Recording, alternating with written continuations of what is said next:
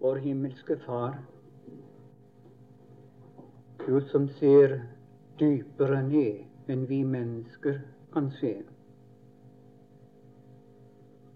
Du ser hver eneste en som sitter her, hvordan de er i det innerste. Du ser deres sjel, du ser deres hånd, du ser deres gudsforhold. Og du vet om alt. Men takk for du ser ikke i første rekke for å dømme. Du ser for å hjelpe.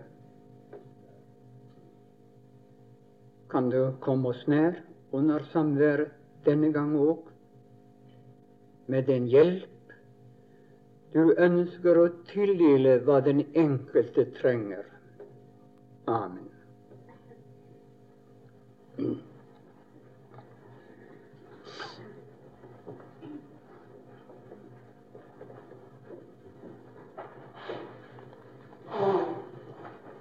ble opplyst i spisesalen at jeg skulle tale over noe som hadde tittelen 'Farlig'. Og det vil si det er mest farlig for meg selv. Hva det så kan bli for dere, det kan ikke jeg avgjøre. Jo, jeg skal tale om ordet ydmykhet. Og da skal vi lese fra Matteus 11, 28 og 29.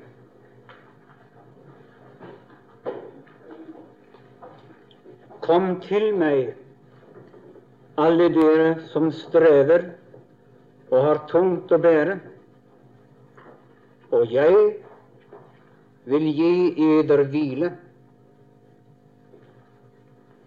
Ta mitt åk på meg på eder og lær av meg, for jeg er saktmodig og ydmyk av hjerte.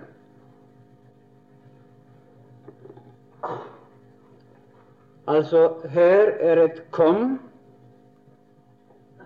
til meg' for å ta imot lærdom. Blant de ting vi da skal lære, heter det ydmyk av hjertet.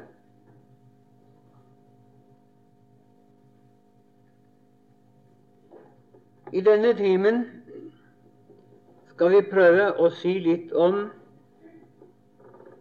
to hovedsetninger, men det bør ikke skrive enda hva ydmykhet ikke er, og hva ydmykhet er. Og den andre time jeg skal ha på lørdag, skal vi tale om ydmykhetens velsignelse.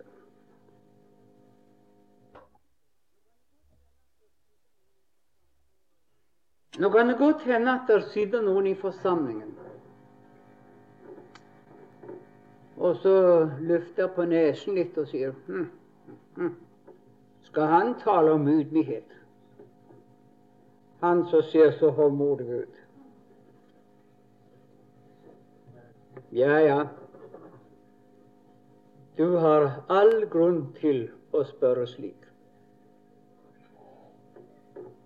For de sier det om meg, jeg ser håndmodig og stor ut for når de ikke kjenner meg. Men jeg må tilstå det, jeg det lagt til to andre timer så jeg måtte forkaste. Fordi Gud kom og billedlig sa du må tale om ydmykhet. For det kan være én i forsamlingen som trenger det. Og det er somme tider Gud spanderer en hel preken bare for en eneste i en stor forsamling.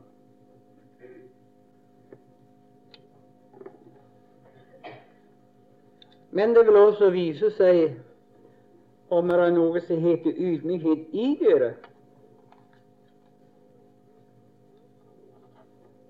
Om det kan høre etter og få noe, selv om de ikke er enige i Nå, det første hva ydmykhet ikke er.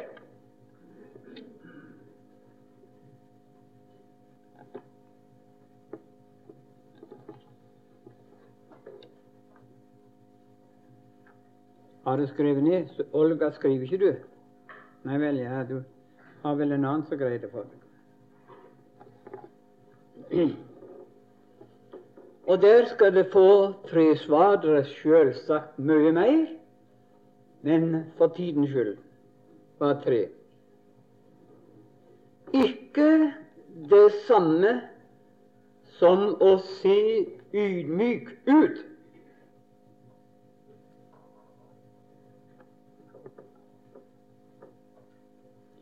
ikke det samme som å se ydmyk ut. Det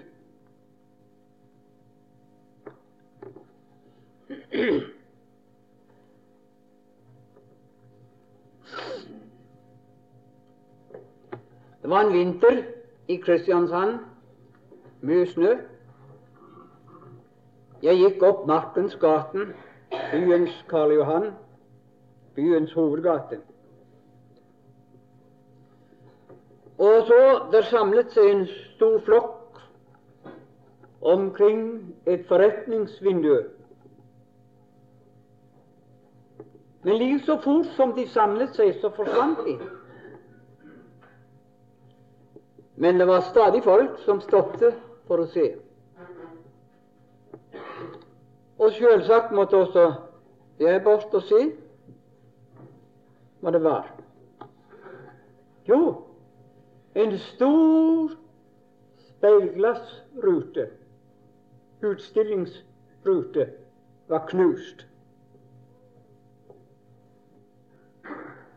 Og sikkert mange kanskje tenkte de kunne bare inn med hendene med en gang og så begynne å hente til seg varer. Men når vi kom bort så var den hel. Den var hel. Og lagt til knust på innsiden for å trekke tilskuere til seg.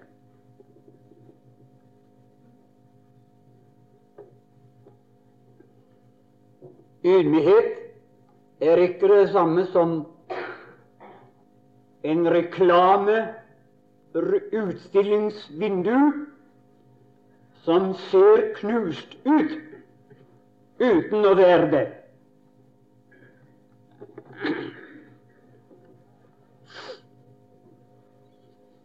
Jeg var en gang på det berømte Södertälje-møtet i Sverige. Og blant talerne så hadde vi vår landsmann Ludvig Hope. så sa Hope i prekenen sin slik Jeg er kommet ifra ei bygd i Norge hvor det å være audmjuk, ydmyk, var enstydet med og så henge godt på hodet. Og kunne man få til pulk på ryggen, så enda bedre. Og da lo prinsen så du kunne kjørt igjennom han med et jernbanetog.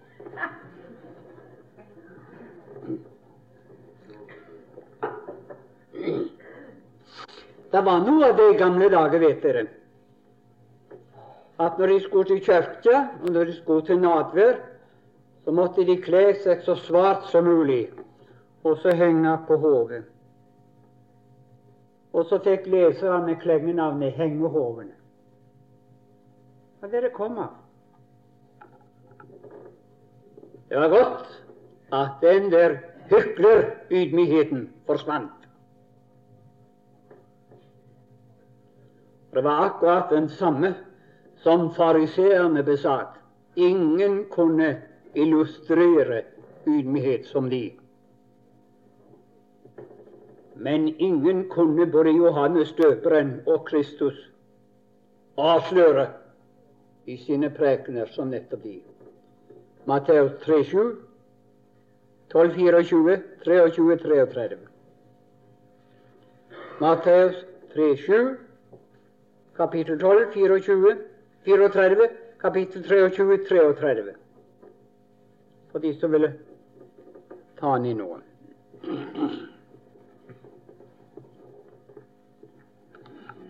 Videre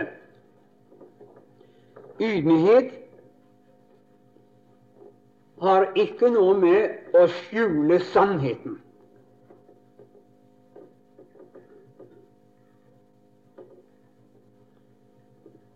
ikke skjule sannheten. Kan dere som skriver, ta ned.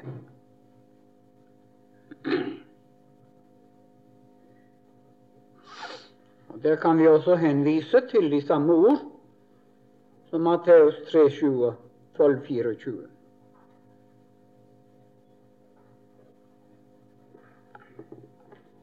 Vi predikanter står alltid i den fare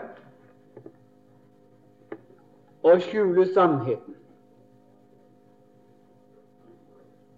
Vi oppdager enkelte mennesker i forsamlingen av hensyn til han, av hensyn til henne, så tør vi ikke dra det blanke sverd som vi skulle og burde. For alle å snakke om når vi er kommet så langt av hensyn til kollekten som skal tas opp, må vi ikke støyte og såre noen av de som vi venta skulle gi godt. Er du enig, Gerda? Her er vi litt av samme måten.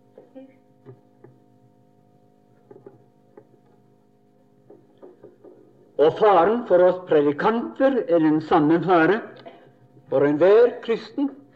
Men det er selvsagt forskjellige måter å si sannheten på.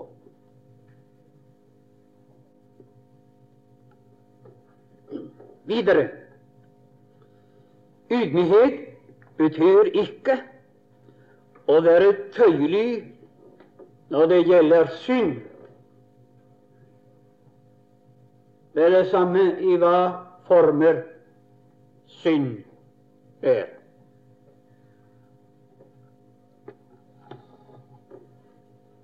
General Bramvel Butt talte en gang fra Nattrudens dekk. Det var med samme båt. Han kom her til Stavanger. Så sa han det er synd. Det er synd. Det er det samme hva etikettflasken har, så lenge den har gift i seg. Så førte han tanken fram eh, menneskelig språk, så bruker man en hel masse etiketter. Men hva betyr etikettene når flasken har gift i seg? All synd har gift i seg. Og derfor ydmykhet er ikke å være tøyelig i spørsmålet synd. Og det er nok til å henvise til Jesus, som brukte svøpen i tempelet.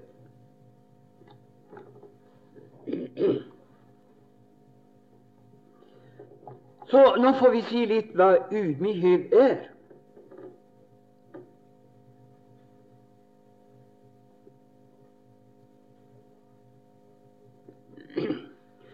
Og da må vi få gjøre oppmerksom på at ydmykhet har både en indre og en ydre side.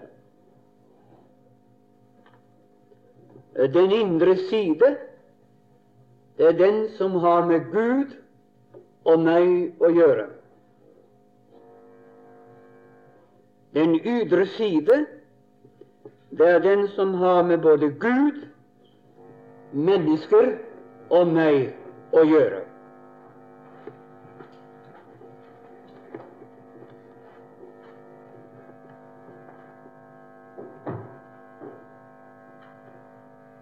Ja.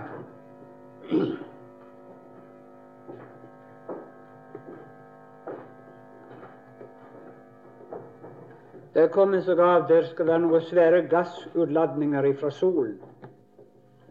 Og de har bebudet at det blir en masse forstørrelse framover.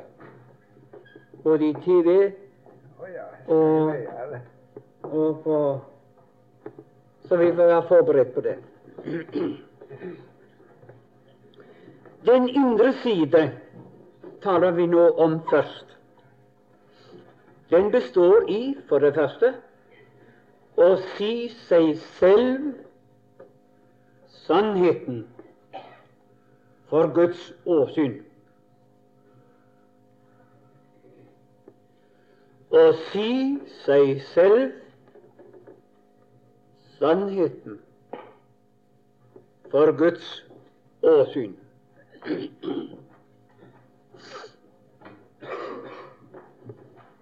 Og Johannes første brev, kapittel 1.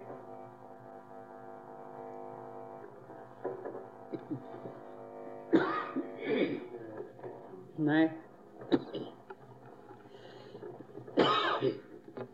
Johannes første brev, kapittel 1, vers 7. Dersom vi vandrer i lyset, like som Han er i lyset, da har vi samfunn med hverandre.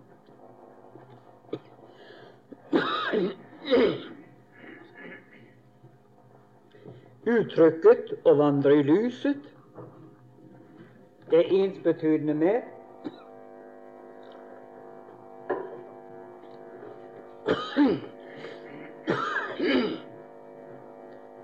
og så si seg selv sannheten for Guds åsyn.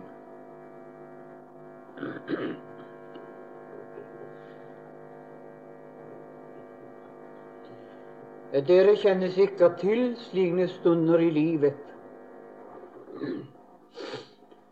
da dere må inn for Guds ansikt og blottlegge alt om deg ting du aldri engang har sagt til det mennesket som står deg mest nær i livet. Men til ham må du legge alt i dagen. Det er ydmykhet, og det er å vandre i lyset og si seg selv sannheten for Guds åsyn.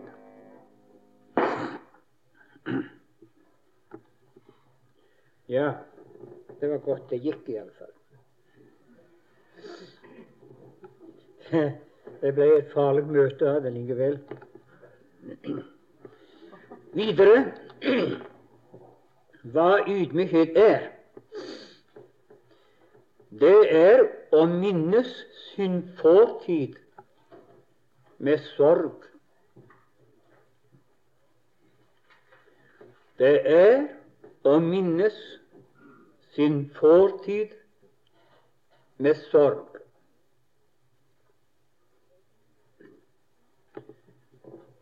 Å minnes sin fortid er ikke ensbetydende med at mine synder fortid ikke er forlatt. Tvert imot. Guds ord forteller at uten blodsutgytelse skjer der ikke syndsforlatelse. Og før Kristus gikk til korset og sa ved påskelammets bord, sa han, dette er mitt blod, som utgytes for eder til syndenes forlatelse. Og blodet ble utgitt på korset.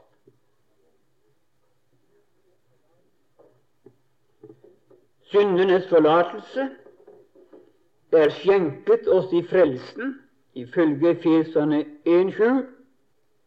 Vi har syndenes forlatelse etter Hans nådes rikdom. Så ingen av dere må komme inn i den uevangeliske tanke at selv om du må minnes din fortid ofte, og minnes den med sorg, betyr det ikke at din synd ikke er forlatt. Men det betyr at Den hellige ånd bruker våre fortidsfall og synd og feilgrep til både stabbesteiner på veien. Og til å ydmyke oss. For ingen er mer interessert i at du og jeg blir ydmyk enn Herren selv. Og, og vil du spørre hvorfor? fordi han vet hva velsignelse det bringer.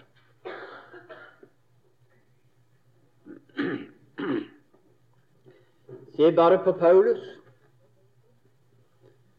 Ingen nådde så høyt opp som Paulus i kunnskap, i vitenskap og i teologi og i Kristus kjennskap. Det er sagt om han at hvis Paulus levde i dag, ville han ha vært historiens lærdeste mann. Kan godt hende. Det er sagt av en, av en teolog. Men vet du hva mannen Paulus sier om seg sjøl? Han kunne påstå han hadde arbeidet mer enn alle andre. Nei, mer enn de andre. Og det er en kraftig påstand. Og sikkert var det sånn. Men vi hørte i går kveld han selv vitnesbyrd. Jeg er den største synder. 1. Timotius 1,15 om han var den største synder i fortid som nå er blitt frelst, eller han var den største synder når han skrev det brevet.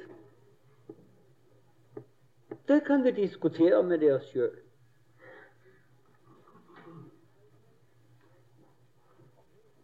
Iallfall var det hans sjøl erkjennelse.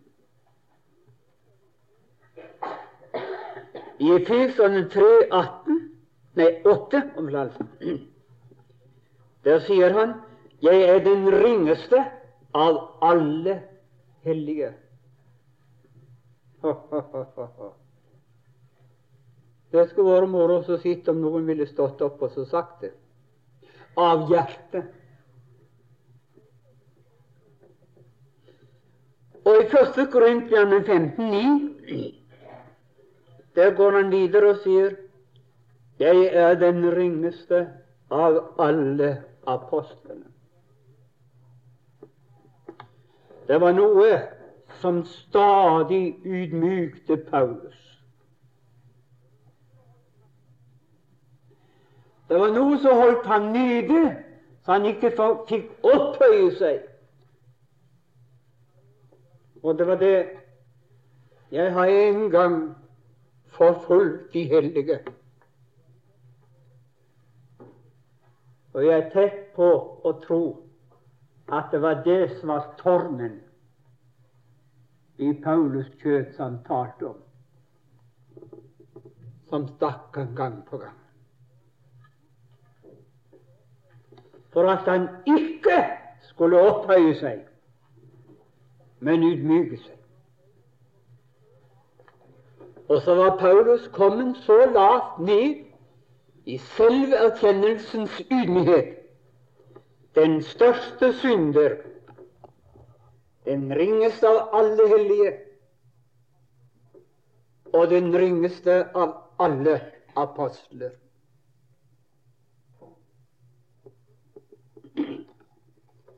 Når Gud vil gjøre et menneske til det redskap han vil ha det til, sørger han først for å gjøre det samme mennesket til et intet. Så han blir totalt verdiløs i egne øyne.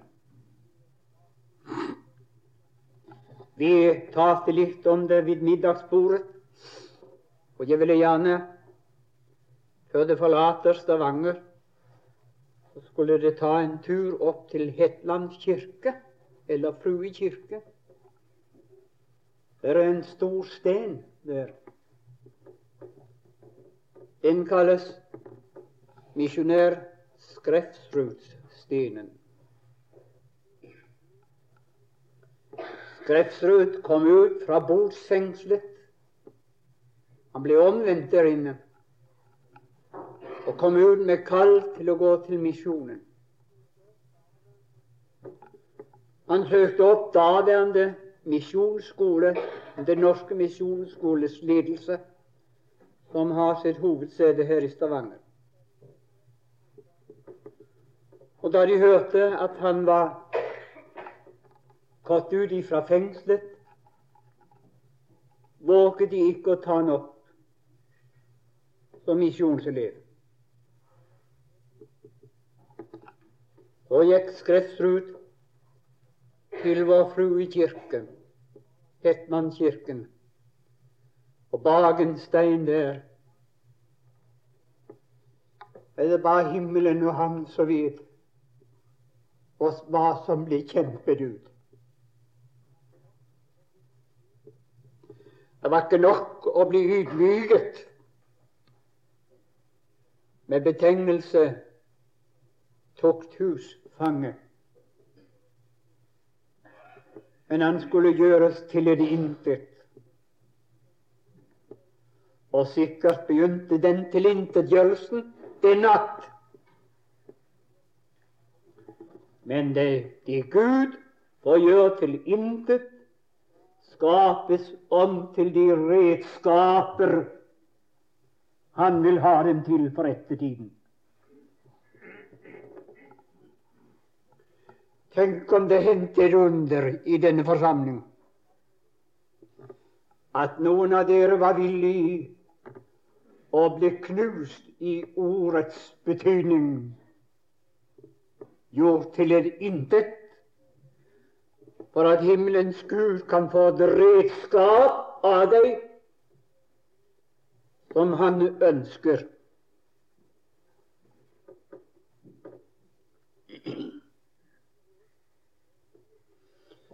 Ydmykhet betyr videre å bøye seg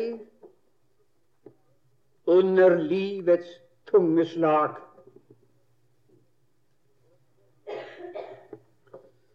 å bøye seg under livets tunge slag.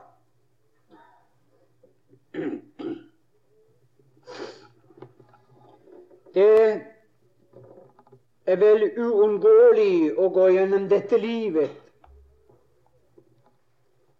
uten å oppleve mer og mindre tunge slag. kanskje aller tungest, er det når noen av våre egne er årsak til slagene.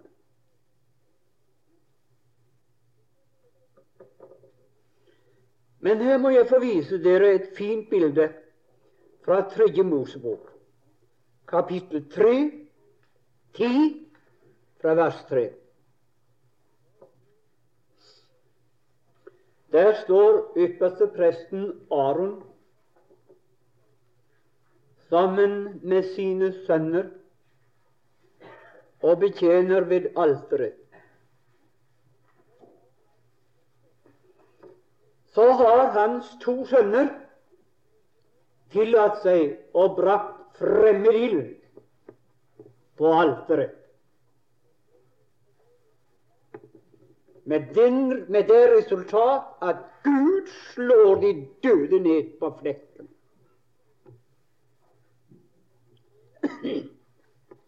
Kan dere tenke dere hva det betød for en far å stå og se det?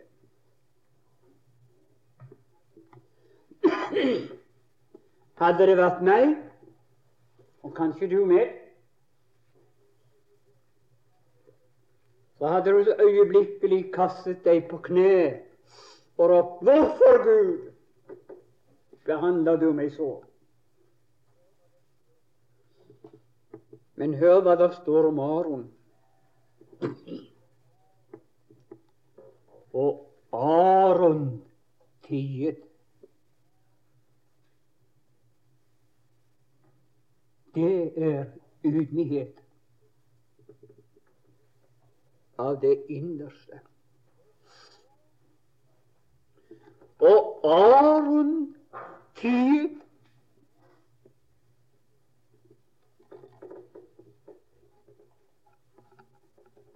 Han spurte ikke engang hvorfor Hvorfor, hvorfor, hvorfor? Og du kan spørre så mange ganger hvorfor du vil. Når Gud slår til, får du aldri noe derfor. Og kanskje ikke engang på denne siden. Hør på den annen side. I København der hadde vi en Jeg kan godt si han var vel litt av en original, men en dyp, god kristen, og som mente det iallfall godt med sin helliggjørelse. Han var prest, altså folkekirkeprest, forlot stillingen og steg ned blant legfolket og talte og virket blant dem. Og det var en tid vi var nokså meget sammen. Nå lå han for døden. Og så kom jeg til å besøke ham på dødsleiet. Original som han var, så hadde han lagt seg inn Det var midt på hardeste og koldeste vinteren. Lagt seg inn på et koldt rom i sin heim. Omtullet med noe ullteppe som viste bare litt av anosa munnene og øynene. Og lå fullstendig som en mummi. Jeg tror Beinham han, han skulle seinpike gamle Adam til slutt før han døde.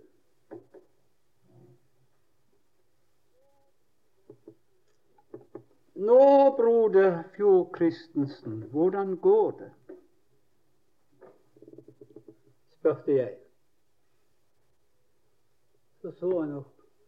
Å, det går så godt. Bare jeg lærer å tie stille. Ja, det var bare Fjord som kunne svare slik. Men det er aldri sluppet meg siden. Det går så godt og vi kommer igjennom så mye.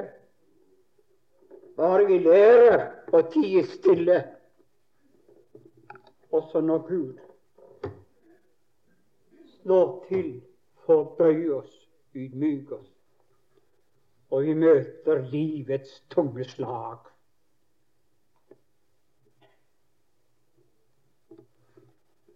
Og jeg tror vi, både min kone og meg, har litt erfaring av det jeg snakker om nå. Ikke vil jeg påstå jeg har erfaring av kontiet, men vi kjenner til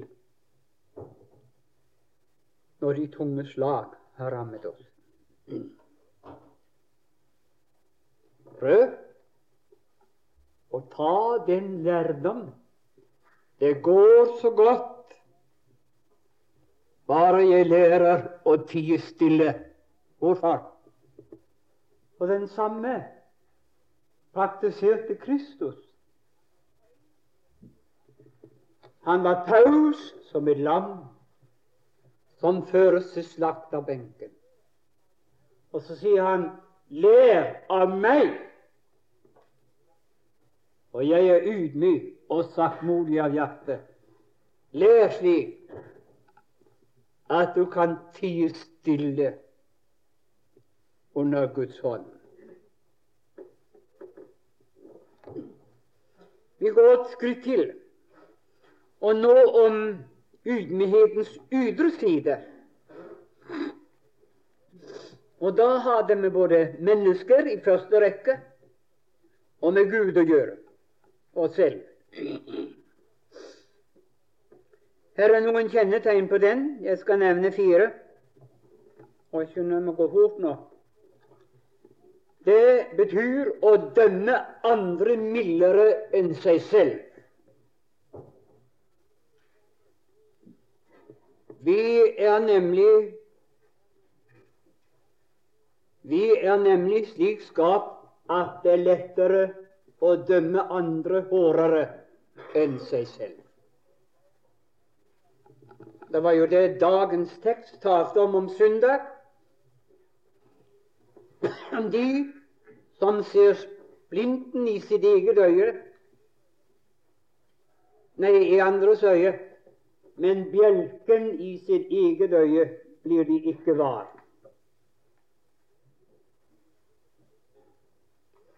Og det ligger nå en gang til vår falne natur å dømme andre fortere enn seg selv. Bare tenk på Adam. Adam, har du ett av eplet?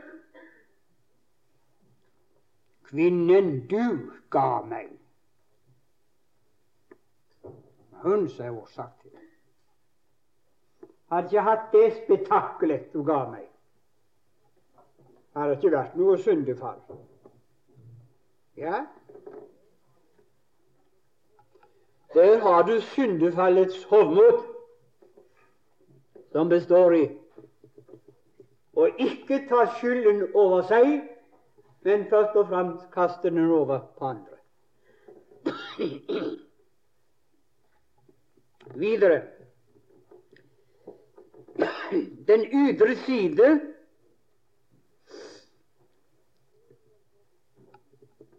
består i å gå bekjennelsens vei når vi har syndet.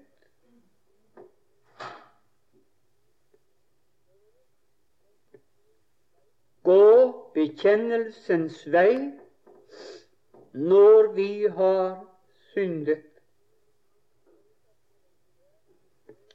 Og i første rekke her mot brødrene, mot søstrene i Herren, og selvsagt mot andre mennesker.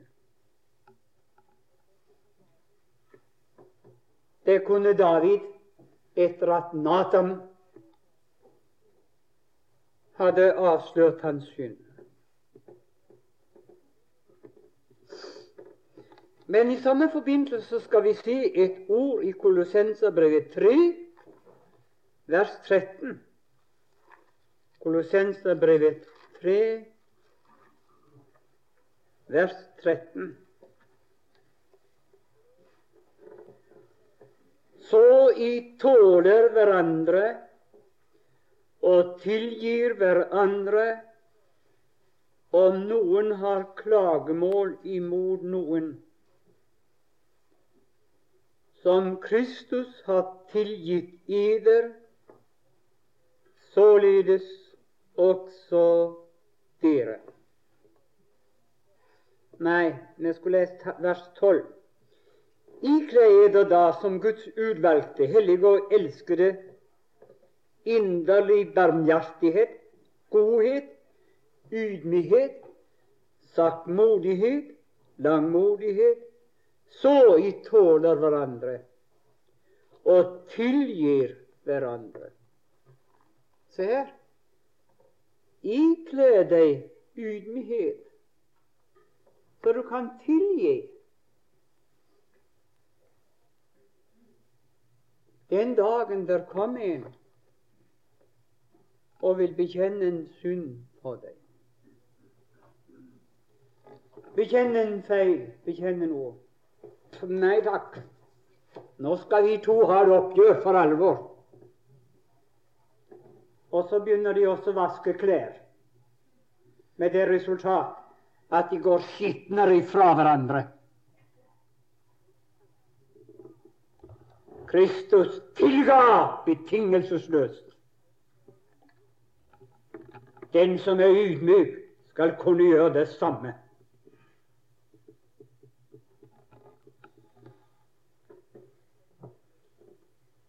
Jeg vet ikke om jeg skulle tale til noen i denne forsamling som tanken din har gått på en bestemt person, og Den hellige ånd har sagt 'Han der' er det du må ha et oppgjør med. Jeg vil råde deg til gå aldri med den tanke at nå skal vi vaske klær for alvor.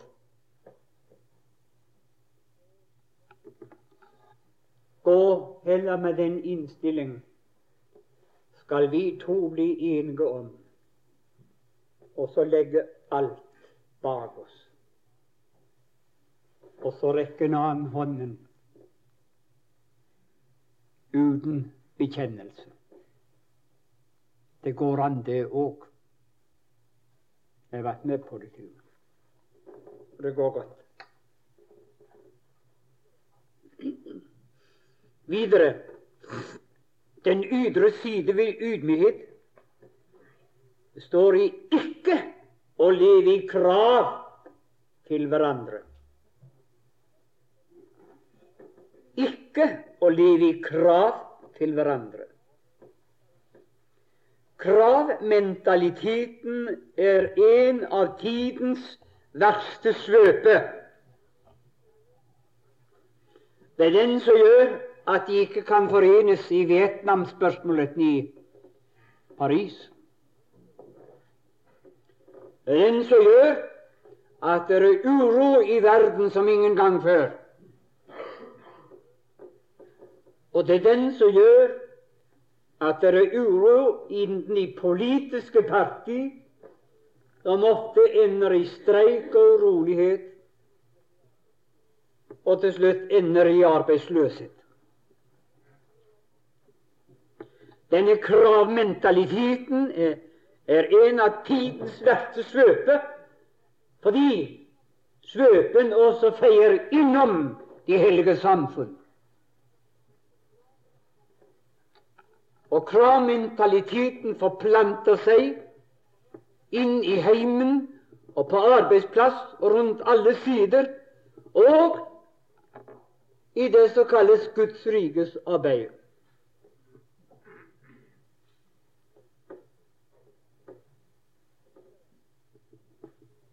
Videre Altså, den ydre side er å ikke leve i krav til hverandre. Det siste med den ydre side, og vi kunne også si det den indre side samtidig, det er å kunne takke for alt som ydmyker. Men det er ikke alltid lett. Fordi vi har ikke oppdaget ydmykelsens velsignelser.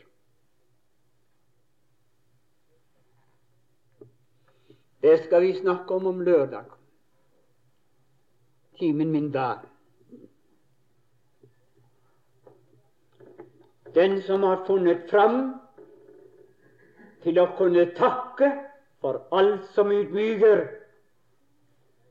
han har vunnet en stor seier i kristenlivet. Men det har også den fare at den seiersblomst og ydmykhetsblomst man ikke oppdage, for øyeblikkelig han oppdager den, så visner den. Ydmykheten, en av kristenlivets fineste karakterblomster, blommer. Men oppdager du den selv, visner den. Herre Jesus, må Den hellige ånd bruke disse Guds ord og tanker å føre dypere ned i vår sjel.